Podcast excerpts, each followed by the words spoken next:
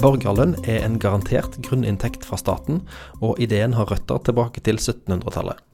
Ingeborg Eliassen og Sven Egil Omdal ga i 2018 ut bok om temaet, og de mener at borgerlønn svarer på mange av spørsmålene vi står overfor i vår tid. Dette er et opptak fra Kapittelfestivalen på Sølvberget. Det lå ikke i korta at eh, Sven Egil eller jeg skulle skrive bok om borgerlønn. Vi har vært travelt opptatt i det. Vi har syntes har vært verdens kjekkeste jobber som journalister. Vi kan vel i grunnen si at vi har vært gift med jobbene våre, i tillegg til hverandre. Når vi allikevel nå står her og har skrevet bok om borgerlønn, er det en følge av at vi har flytta mye de siste åra.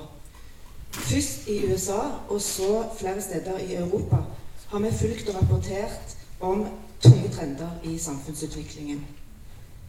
De leder fram til vår konklusjon. Ideen om borgerlønn fortjener å bli tatt på alvor og diskutert i full bredde i Norge, akkurat som den blir mange andre steder i den vestlige verden. Vi nordmenn tror kanskje at vi er skjermet for utviklingen i denne delen av verden. Dessverre vil nok problemene som skaper politisk og sosial uro i stadig flere europeiske land, neppe stanse helt på ferjekaien i Hirtshals. Vi har bare litt bedre tid enn andre. Nå tar vi ikke danske ferger så ofte som vi burde. Vi flyr helst. Og hver gang vi flyr, så tar vi som en selvfølge teknologiske løsninger som demonstrerer hvor fort arbeidslivet forandrer seg. Vi bestiller flybilletter ved skjermen hjemme. På flyplassen så sjekker vi inn på en automat. Vi registrerer kofferten med en håndholdt skanner, og så ser man forsvinne på transportbåndet. Så går vi gjennom en elektronisk billettkontroll, og til slutt om bord i flyet etter å ha skanna billetten enda en gang. Det eneste stedet det er mange på jobb, er i sikkerhetskontrollen. For ti år siden så ville alle disse operasjonene blitt utført av mennesker. Endringene er egentlig ganske dramatiske, særlig for reiseagentene og bakkepersonalet på flyplassene. Men fordi den nye virkeligheten er komfortabel for oss passasjerer, så går vi ikke i demonstrasjonstog for å få alle disse menneskene tilbake på jobb. Vi begynner òg å bli vant til de selvbetjente kassene på Ikea eller Madle handelslag. Og noen av dere bruker kanskje til og med håndskannerne på OBS på Mariero. Og syns det er ganske fremtidsretta. Men dette er bare begynnelsen på en tilsvarende utvikling òg i dagligvarehandelen. Oi. Sånn. Fort på deg. Eh, I fjor kunngjorde butikksjefen i Bruksen i Sengeløse på Sjælland i Danmark at supermarkedet skulle holde nattåpent uten betjening i det hele tatt. Etter klokka halv elleve om kvelden skulle alle de som hadde kundekort og den rette appen, kunne åpne den stengte døra med en håndskanner og registrere to liter melk, en pakke servelat og det andre de måtte trenge. For lokalsamfunnet i Sengeløse kan dette kanskje redde nærbutikken til glede for kundene. Men for de mange hundre tusen som jobber i varehandelen, både i Danmark og Norge, er håndskanneren og de ubetjente kassene et varsel om at de kanskje bør begynne å se seg om etter alternativer. Ikke minst fordi Amazon, en gigant i netthandel, nå er i full gang med å spre betjeningsløse butikker, riktignok foreløpig i USA. Der skanner du bare telefonen når du går inn i butikken. Så registrerer kameraer og sensorer hva du tar med deg ut igjen, og regningen belastes kredittkortet automatisk. Netthandel er komfortabelt for oss kunder. Men lagrene for netthandelen trenger ikke like mange ansatte som butikkene. I USA har netthandelen ført til at antall ansatte i dagligvarehandelen har falt med omkring 100 000 i året. Amazon har riktignok 90 000 lageransatte over hele USA. Men Amazon har også kjøpt et selskap som produserer lagerroboter. De trenger ikke matpause, og de krever ikke lønn. Og Dessuten så sparer de arbeidsgiverne for strøm, for de jobber like godt i mørket. Amazon har også kjøpt seg inn i et av Kinas største netthandelsselskaper. De har et lager i Shanghai som kan ta imot, pakke og sende ut 200 000 bestillinger til dagen. Og lageret har fire ansatte. Varehandelen domineres av ikke-faglærte arbeidskraft. Men det er ikke sikkert en universitetsutdannelse skjermer deg for konkurranse fra algoritmene. Jurister bør kanskje merke seg navnet Logix. Det er en kontraktsrettsrobot. I vinter så gikk en gruppe erfarne forretningsadvokater i duell med Logix. De skulle vurdere en håndfull kompliserte kontrakter. Advokatene brukte i gjennomsnitt 92 minutter på arbeidet, med en presisjonsgrad på 85% Logix brukte 26 sekunder og hadde presisjonsgrad på 94% I flere norske banker svarer chatboten Banki på alle spørsmål du måtte ha til banken nesten før du har spurt, som sikkert mange av dere har erfart. Banki er utvikla på Forus og kan komme til å erstatte mange bankansatte.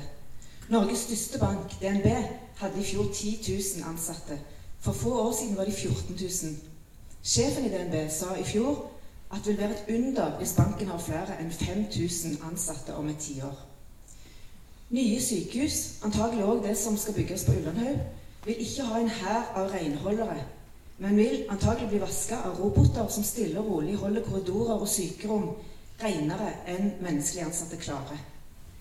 Andre roboter frakter allerede medisiner, sengetøy og andre varer mellom avdelingene på mange store sykehus. Dette er japanske Robear. Han er en hjelpepleierrobotbamse som sikkert varsomt løfter pasientene og plasserer dem i mykt i en rullestol eller tilbake i senga. Han vil helt sikkert spare mange slitne hjelpepleierrygger. Men han vil òg ta en god jafs av jobbene deres. Norge har 115 000 hjelpepleiere. Både i USA og i Kina så har de begynt å 3D-printe hus.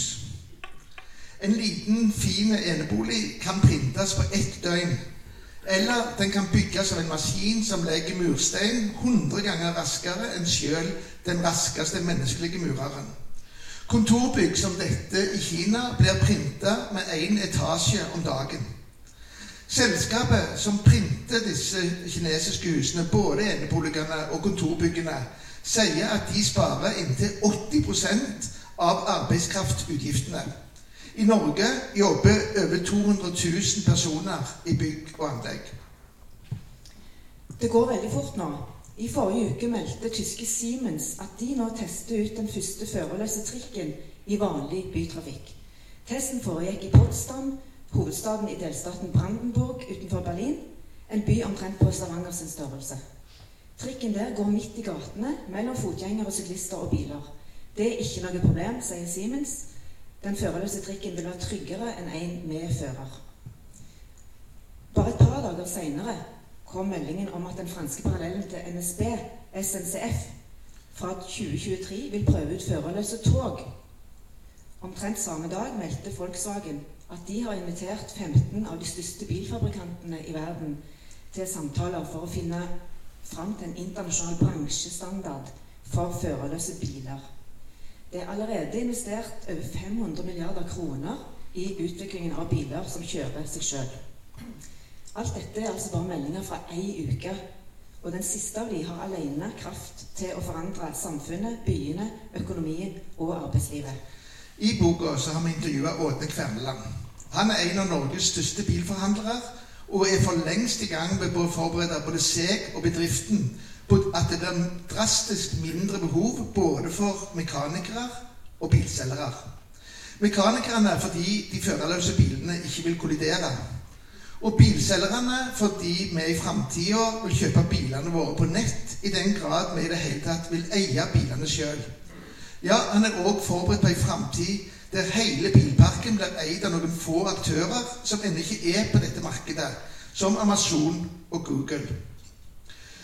De førerløse vogntogene vil helt sikkert dukke opp på de strake amerikanske motorveiene lenge før de tråkler seg fram langs rv. 57 i Sogn og Fjordane.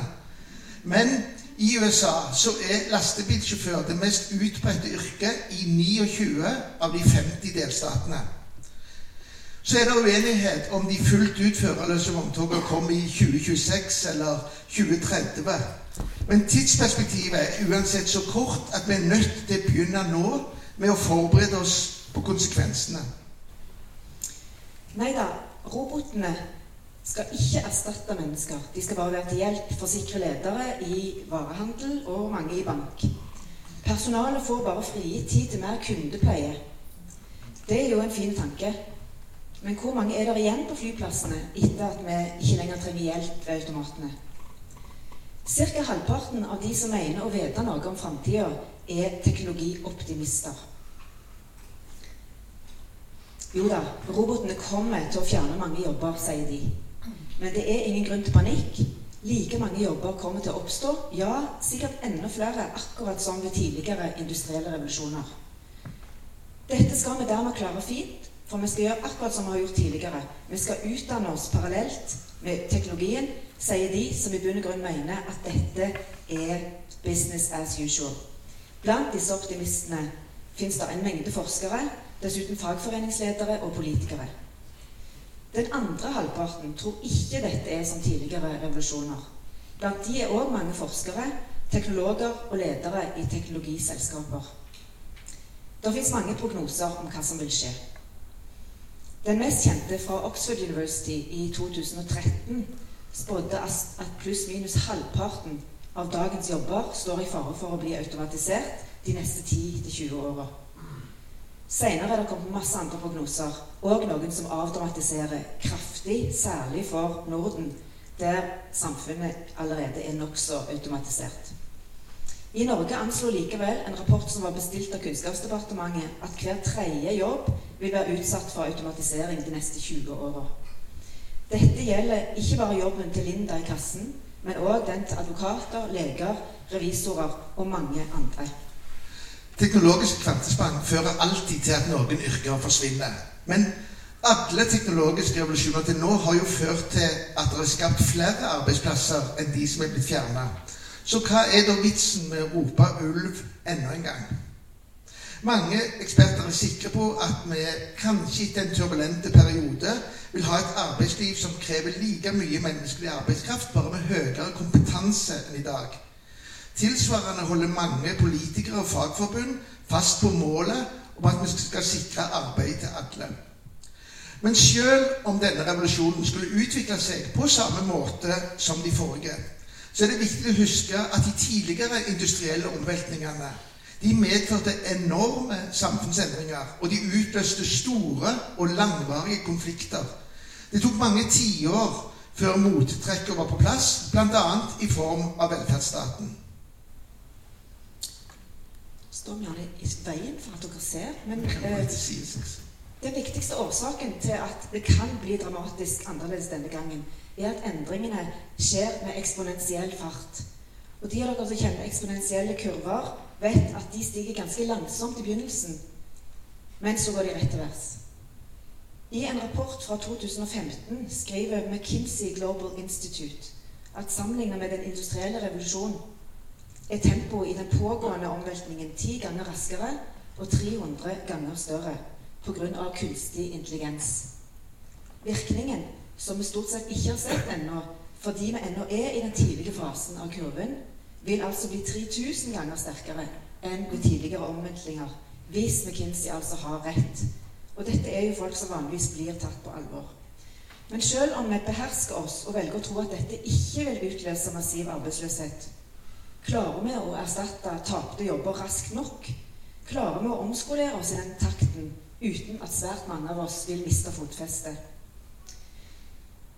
Teknologibølgen kommer på toppen av tre andre utviklingstrekk som har gjort oss betenkte. De økonomiske forskjellene har økt de siste tiåra. Globalt er riktignok hundrevis av millioner lufta ut av fattigdom. Men i den vestlige verden så er gapet mellom rik og fattig større nå enn det var for 30 år siden. De fleste land i verden har et mer ujevnt utgangspunkt enn velferdsstaten Norge, men ulikheten er blitt større, òg hos oss. I forrige uke så meldte Statistisk sentralbyrå at ulikheten i fordeling av boligformuer og annen formue i Norge har økt de siste åra. Først og fremst fordi familiene med de største formuene har økt sin andel av totalformua. Ingen steder i verden fins det så mange Teslaer per innbygger som i Norge.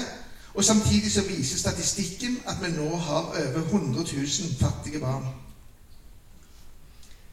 Lenge var de største selskapene i verden industribedrifter som lagde biler og vaskemaskiner og maskinduppeditter, og hadde mange hundre tusen ansatte.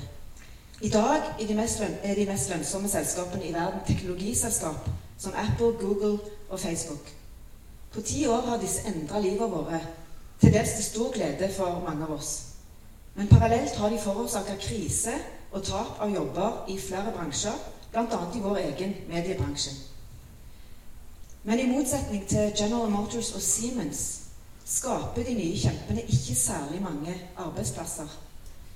Da Facebook kunngjorde kjøpet av eh, WhatsApp i 2014, ble denne meldingstjenesten brukt av nesten en halv milliard mennesker hver dag.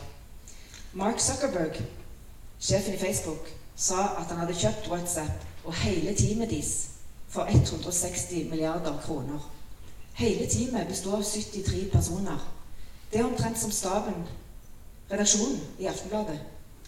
Selv uten de teknologiske omveltningene så har arbeidslivet endret seg kraftig de siste ti åra. Bedriftene er ikke lenger like interessert i lang og tro tjeneste.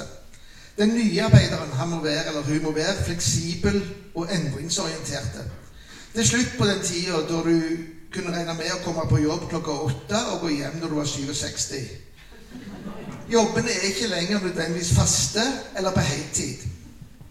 De som mener det går bra, viser kanskje til at det i de 19 landene i eurosonen er skapt over 5 millioner nye jobber mellom 2013 og 2017. Men fire av fem av disse jobbene var på deltid eller midlertidige, og de var stort sett lavt betalt. En jobb er ikke lenger en sikker billett til et trygt og friskt middelklasseliv. En rekke land i Europa har fått et sjikt av noe vi tidligere bare kjente fra USA working poor, eller arbeidende fattige. Det er mennesker som må ha sosialhjelp selv om de er i fullt arbeid. I realiteten så subsidierer staten de bedriftene som ikke er villige til å betale en lønn som folk kan leve av.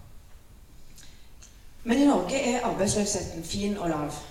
Betyr ikke det da at vi i hvert fall kan roe oss ned og være sikre på at dette går bra.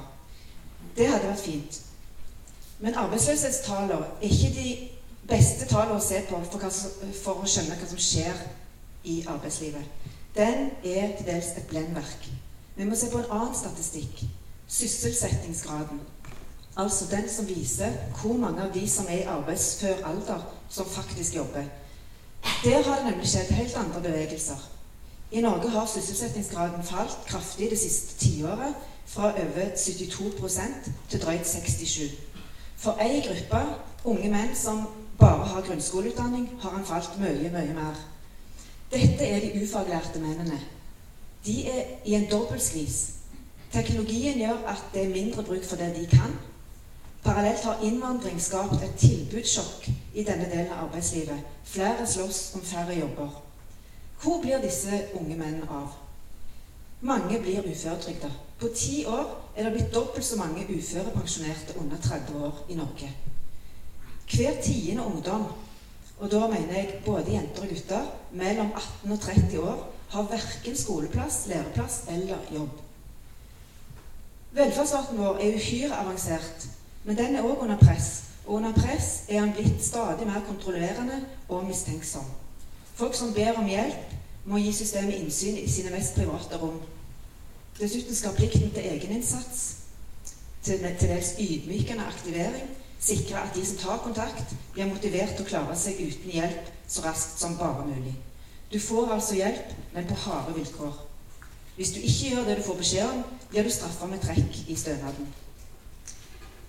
Men som dere forstår, vi tror det er stor fare for at svært mange flere av oss kan bli nødt til å google adressen til Nav når robotene kommer for alvor. Selv om det vil komme nye jobber og yrker som vi ikke engang vet navnet på i dag. I overgangen trenger vi et sikkerhetsnett som òg er trimmet for denne situasjonen. Mens folk skaffer seg ny kompetanse og finner de stedene hvor de nye jobbene blir skapt, må vi ha ordninger som ikke gjør det til et usannsynlig stress å miste en jobb, eller til en eksistensiell trussel å omskolere seg. Vi trenger ordninger som ikke gjør det til en ydmykende heltidsjobb å få hjelp til å komme videre. Den ordningen kan være borgerlønn.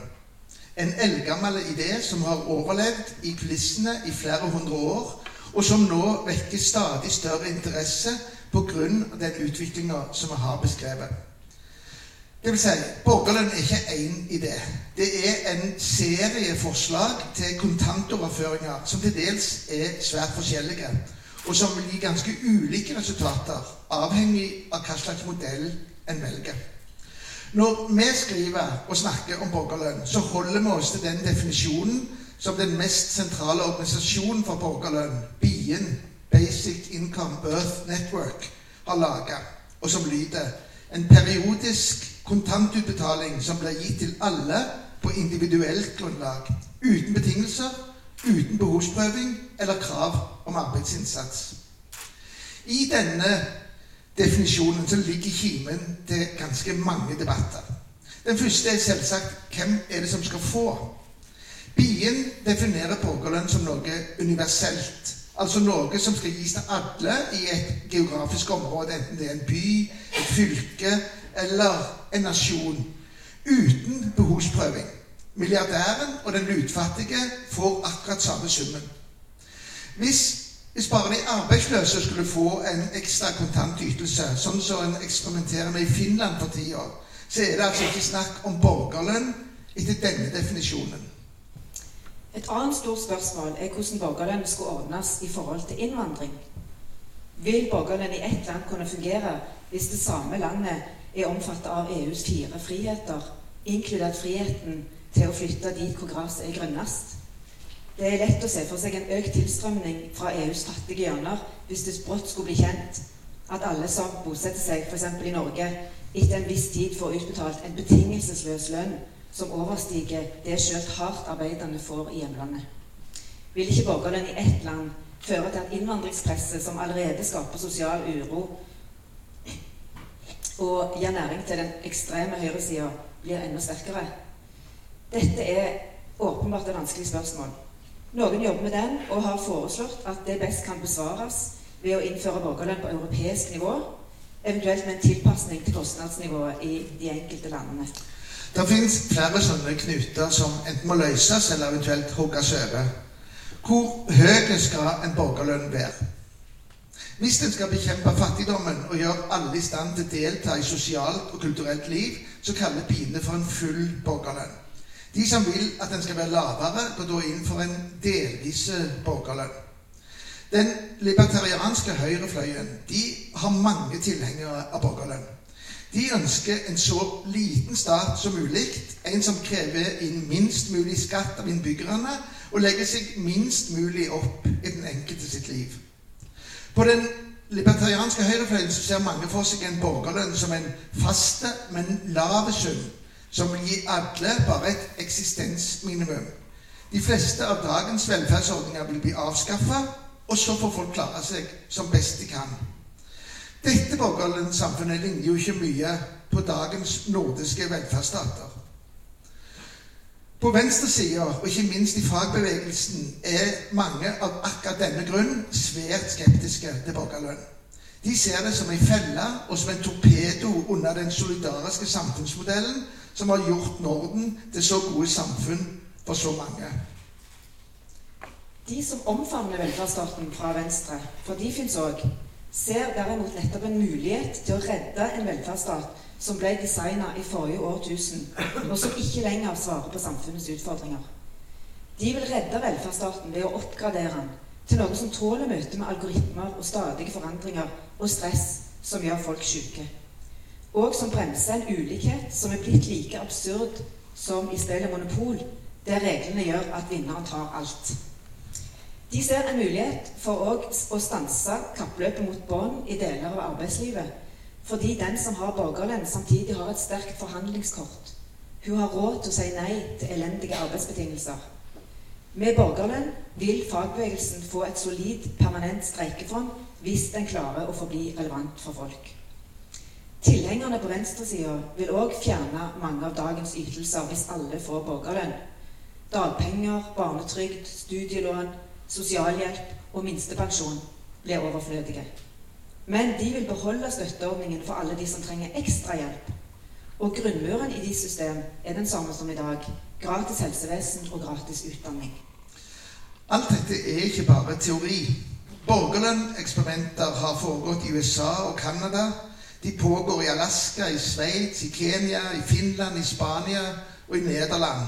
Skotske byer er òg i gang. Så langt har resultatene vært forbløffende gode. Det viser seg at den beste måten å hjelpe fattige på faktisk kan være å gi dem penger. Forsøkene viser nemlig at fattige jobber mer, ikke mindre, når de får borgerlønn. Generelt fører også borgerlønn til at flere jobber, men flere jobber også deltid fordi folk tar mer utdanning, og de får bedre karakterer. Barn får bedre ernæring, konfliktnivået i familiene synker, og det samme gjør kriminaliteten. Folk som er trygge økonomisk, de blir sjeldnere syke, og de blir sjeldnere kriminelle. Og begge deler fører til at òg den, lokale økonomien blir styrket. Ok, men eh, hvordan skal vi ha råd til dette? Hvis borgerlønnen skal oppgradere velferdsstaten og ikke innebære en nedbygging av den, blir det åpenbart temmelig dyrt. Selv om det kan spares inn på byråkrati når mange av dagens ordninger blir overflødige. Det betyr at skattene må heves kraftig. Og det er selvfølgelig teknisk mulig. Om det er politisk mulig, er en helt annen sak. Det er derfor vanlig å påstå at enten blir borgerlønna så lav at det ikke er mulig å leve av den, eller den blir så dyr at den ikke lar seg finansiere. Men dette er regnestykker som er utgangspunkt i at alt annet forblir som i dag. En lang rekke økonomer, sju av dem med nobelpris i økonomi hengende på kontorveggen, går inn for borgerlønn. Når noen av verdens fremste økonomer mener at vi har råd, er det bl.a. fordi flere av dem ser hvordan vi kan bake en større kake til fordeling på fellesskapet. Det kan skje på mange måter. En årsak til at ulikhetene øker i hele den vestlige verden, det er at store aktører sniker seg unna fellesskapets plikter. Staten går glipp av enorme skatteinntekter når multinasjonale selskap flytter overskuddet til Irland og andre skatteparadis. Både EU og OECD er i gang med å tette disse svære hullene og sørge for at inntektene blir beskattet der omsetningen foregår. Hvis det lykkes, så vil samfunnet få nye milliarder til fordeling.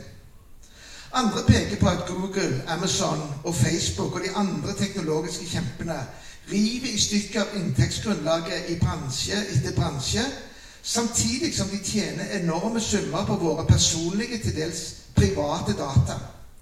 Hvis kunnskapen som de har om hver enkelt av oss, har en økonomisk verdi, hvorfor skal ikke vi som eier disse dataene, få en del av denne verdien? Andre minner om at vi som menneskehet har en felles eiendomsrett til naturressursene. Men vi beskatter bare noen av de som utnytter disse ressursene til egen vinning. I Norge så betaler oljebransjen en grunnrenteskatt på 55% mens kraftselskapene betaler 35% ekstra oppå den vanlige bedriftsskatten for å få bruke våre felles fossefall. Men den svære oppdrettsbransjen og de store trålerrederiene de betaler ingen slik skatt til oss alle for å få bruke fjordene eller høste av havet. Eller hva med menneskehetens akkumulerte kunnskap som for en stor del er finansiert av fellesskapet gjennom skoler og universiteter. Eller hva med rettsstaten, som beskytter patentene til de store farmasøytiske selskapene? Eller sosiale ordninger som førte til at òg kvinner kunne melde seg fullt ut på arbeidsmarkedet? Alt dette er viktige forutsetninger for å kunne tjene penger. Så hvorfor skal ikke òg det ha en pris? I boka har vi intervjua en rekke nasjonale politikere om framtidens arbeidsliv. Med unntak av Miljøpartiet De Grønne er de fra høyre til venstre nesten rørende enige om å fortsette den såkalte arbeidslinja. Ja, vi har og skal ha et sikkerhetsnett for de som ikke er i stand til å jobbe. Men alle andre skal i arbeid, og helst full tid. Vi må faktisk jobbe mer enn i dag. Både fordi det trengs for å redde velferdsstaten, og fordi arbeid er et enormt gode i seg sjøl. Men hele deres argumentasjon hviler på ett premiss. troen på at det vil være behov for oss alle i framtidas arbeidsliv. At jobbene vil finnes. At teknologien som spiser jobber, samtidig skaper like mange eller helst flere nye. For oss som har begynt å tvile litt på dette, er hver tiende ungdom uten skoleplass, læreplass eller jobb et varsel. Faktum er at våre økonomier ser ut til å klare seg fint uten disse unge som er parkert av arbeidslivet, den arenaen som våre politikere og samfunnsplanleggere fortsetter å insistere på er den viktigste av alle. Hver tiende ungdom. Er det hovedsakelig fordi de ikke gidder å delta? Eller kan det tenkes at det framfor alt er fordi teknologi og arbeidslivets stadig tøffere krav til kompetanse allerede kaster av folk i fart? Hva hvis automatiseringen fortsetter å spise jobber, ikke minst sånne som krever lite utdanning, og at denne gruppa vokser til 15% av ungdommen til 20 For Arbeiderpartiet intervjuer med nestleder Haja Tajik, og hun var òg grei å være med da vi hadde lansering av boka vår for en kort stund siden. Hadia Tajik er mot borgerlønn. Særlig fordi borgerlønn ikke innebærer noen forventning om at du skal bidra med noe som helst, som hun sier. Hun står på partiets linje, som forutsetter at arbeidsplassen fortsatt vil være den viktigste arenaen for inntekt, men òg for bekreftelse og forventninger. Vi tror at hun og partiet henger igjen i forestillinger om arbeidslivet som allerede til dels er frakjørt av virkeligheten. For svært mange som har hjemmekontor, midlertidig jobb eller er frilansere, er dette fellesskapet for lengst brutt opp. Det betyr ikke at disse lever i et forventningsløst rom. Det er heller ikke gitt at borgerlønn vil svekke betydningen av kollektive løsninger, sånn som LO hevder. Storbritannia sitt største forbund, Unite, de går inn for borgerlønn. De ser at det gamle forholdet mellom arbeid og inntekt er trua, og vil bidra til at den nye økonomien bygger på rettferdighet, likhet og verdighet. Både for de som jobber, og for de som er stengt ute fra arbeidsmarkedet. Nå sier Hadia Tajik at hun ikke tror at robotene vil føre til at det blir slutt på alle jobber. Nei, det tror ikke vi heller. Ikke alle jobbene.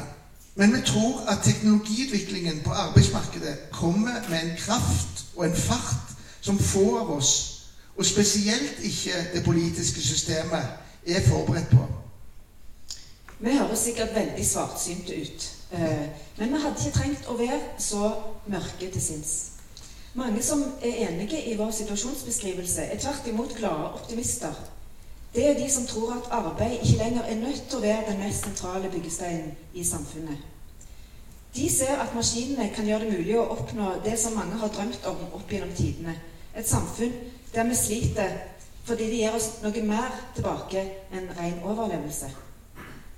Blant fagbevegelsens største seire er innføringen av fem dagers uke. Vi er 'the folks who gave you the weekend', som amerikanske fagforeningsfolk sier. Dessuten åttetimersdagen, som ga alle en mulighet til å ha et liv òg utenom jobben. Pussig nok har denne utviklinga mot mer liv og mindre arbeid stoppet opp på i underkant av 40 timers uke over hele Europa. Stadig nye maskiner og teknologi har gjort det mulig å få jobben gjort på stadig kortere tid. Likevel er det som om åttetimersdagen er en naturlov. Mange blir provosert bare av å høre kravet om seks timers arbeidsdag. Få økonomer har påvirka samfunnsutviklingen mer enn John Maynard Keanes. Senest ble oppskriften hans brukt av regjeringen Stoltenberg under finanskrisen i 2008, da Norge skrudde opp bruken av oljepenger. I 1930 så skrev Keanes et berømt essay der han spådde at folk i 2030 ville ha 15 timers arbeidsuke fordi det ikke ville være behov for å streve mer når maskinene tok så mye av arbeidet. Keanes delte behovene våre som mennesker inn i to kategorier. De som er absolutte, og som alle har. Det er behovet for mat og klær og tak over hodet. Disse behovene ville bli oppfylt når maskinene ble bedre, mente Keens. Og da vil vi bruke energien vår på andre aktiviteter som kanskje ikke bare var økonomisk motivert. Men han var klar over at vi òg har en annen type behov. De som er relative, de som vi godt kan klare oss uten, men som i prinsippet er umettelige. Disse behovene de vokser med den alminnelige velstand. Det er alltid noen rundt deg som har noe som du òg kunne tenkt deg. Sjøl om du strengt tatt kunne klart deg uten. Siden Keanes skrev dette essayet, så har produktiviteten økt akkurat så sterkt som han forutså. Men vi har tatt ut all gevinsten i økt forbruk, ikke mer fritid. Keanes skulle nok ha lagt mer vekt på kraften i de relative behovene. Men likevel, skal det fortsette sånn?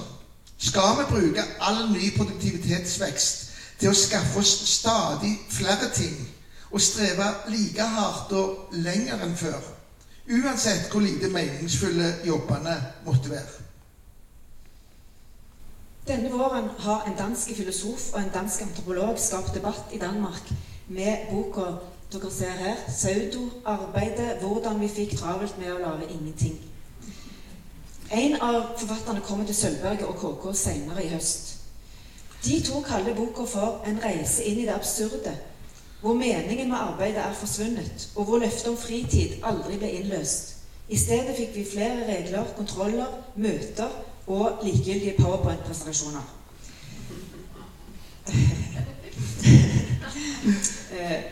Disse forfatterne mener at mange av oss godt kunne ha gjort det som trengtes på 15 timers arbeidsuke. Og så kunne vi ha brukt resten av tida på noe som virkelig ga oss mening.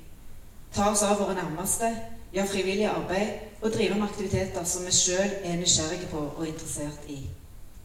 De peker på borgerlønn som én mulighet til å endre samfunnet i denne mer menneskevennlige retningen.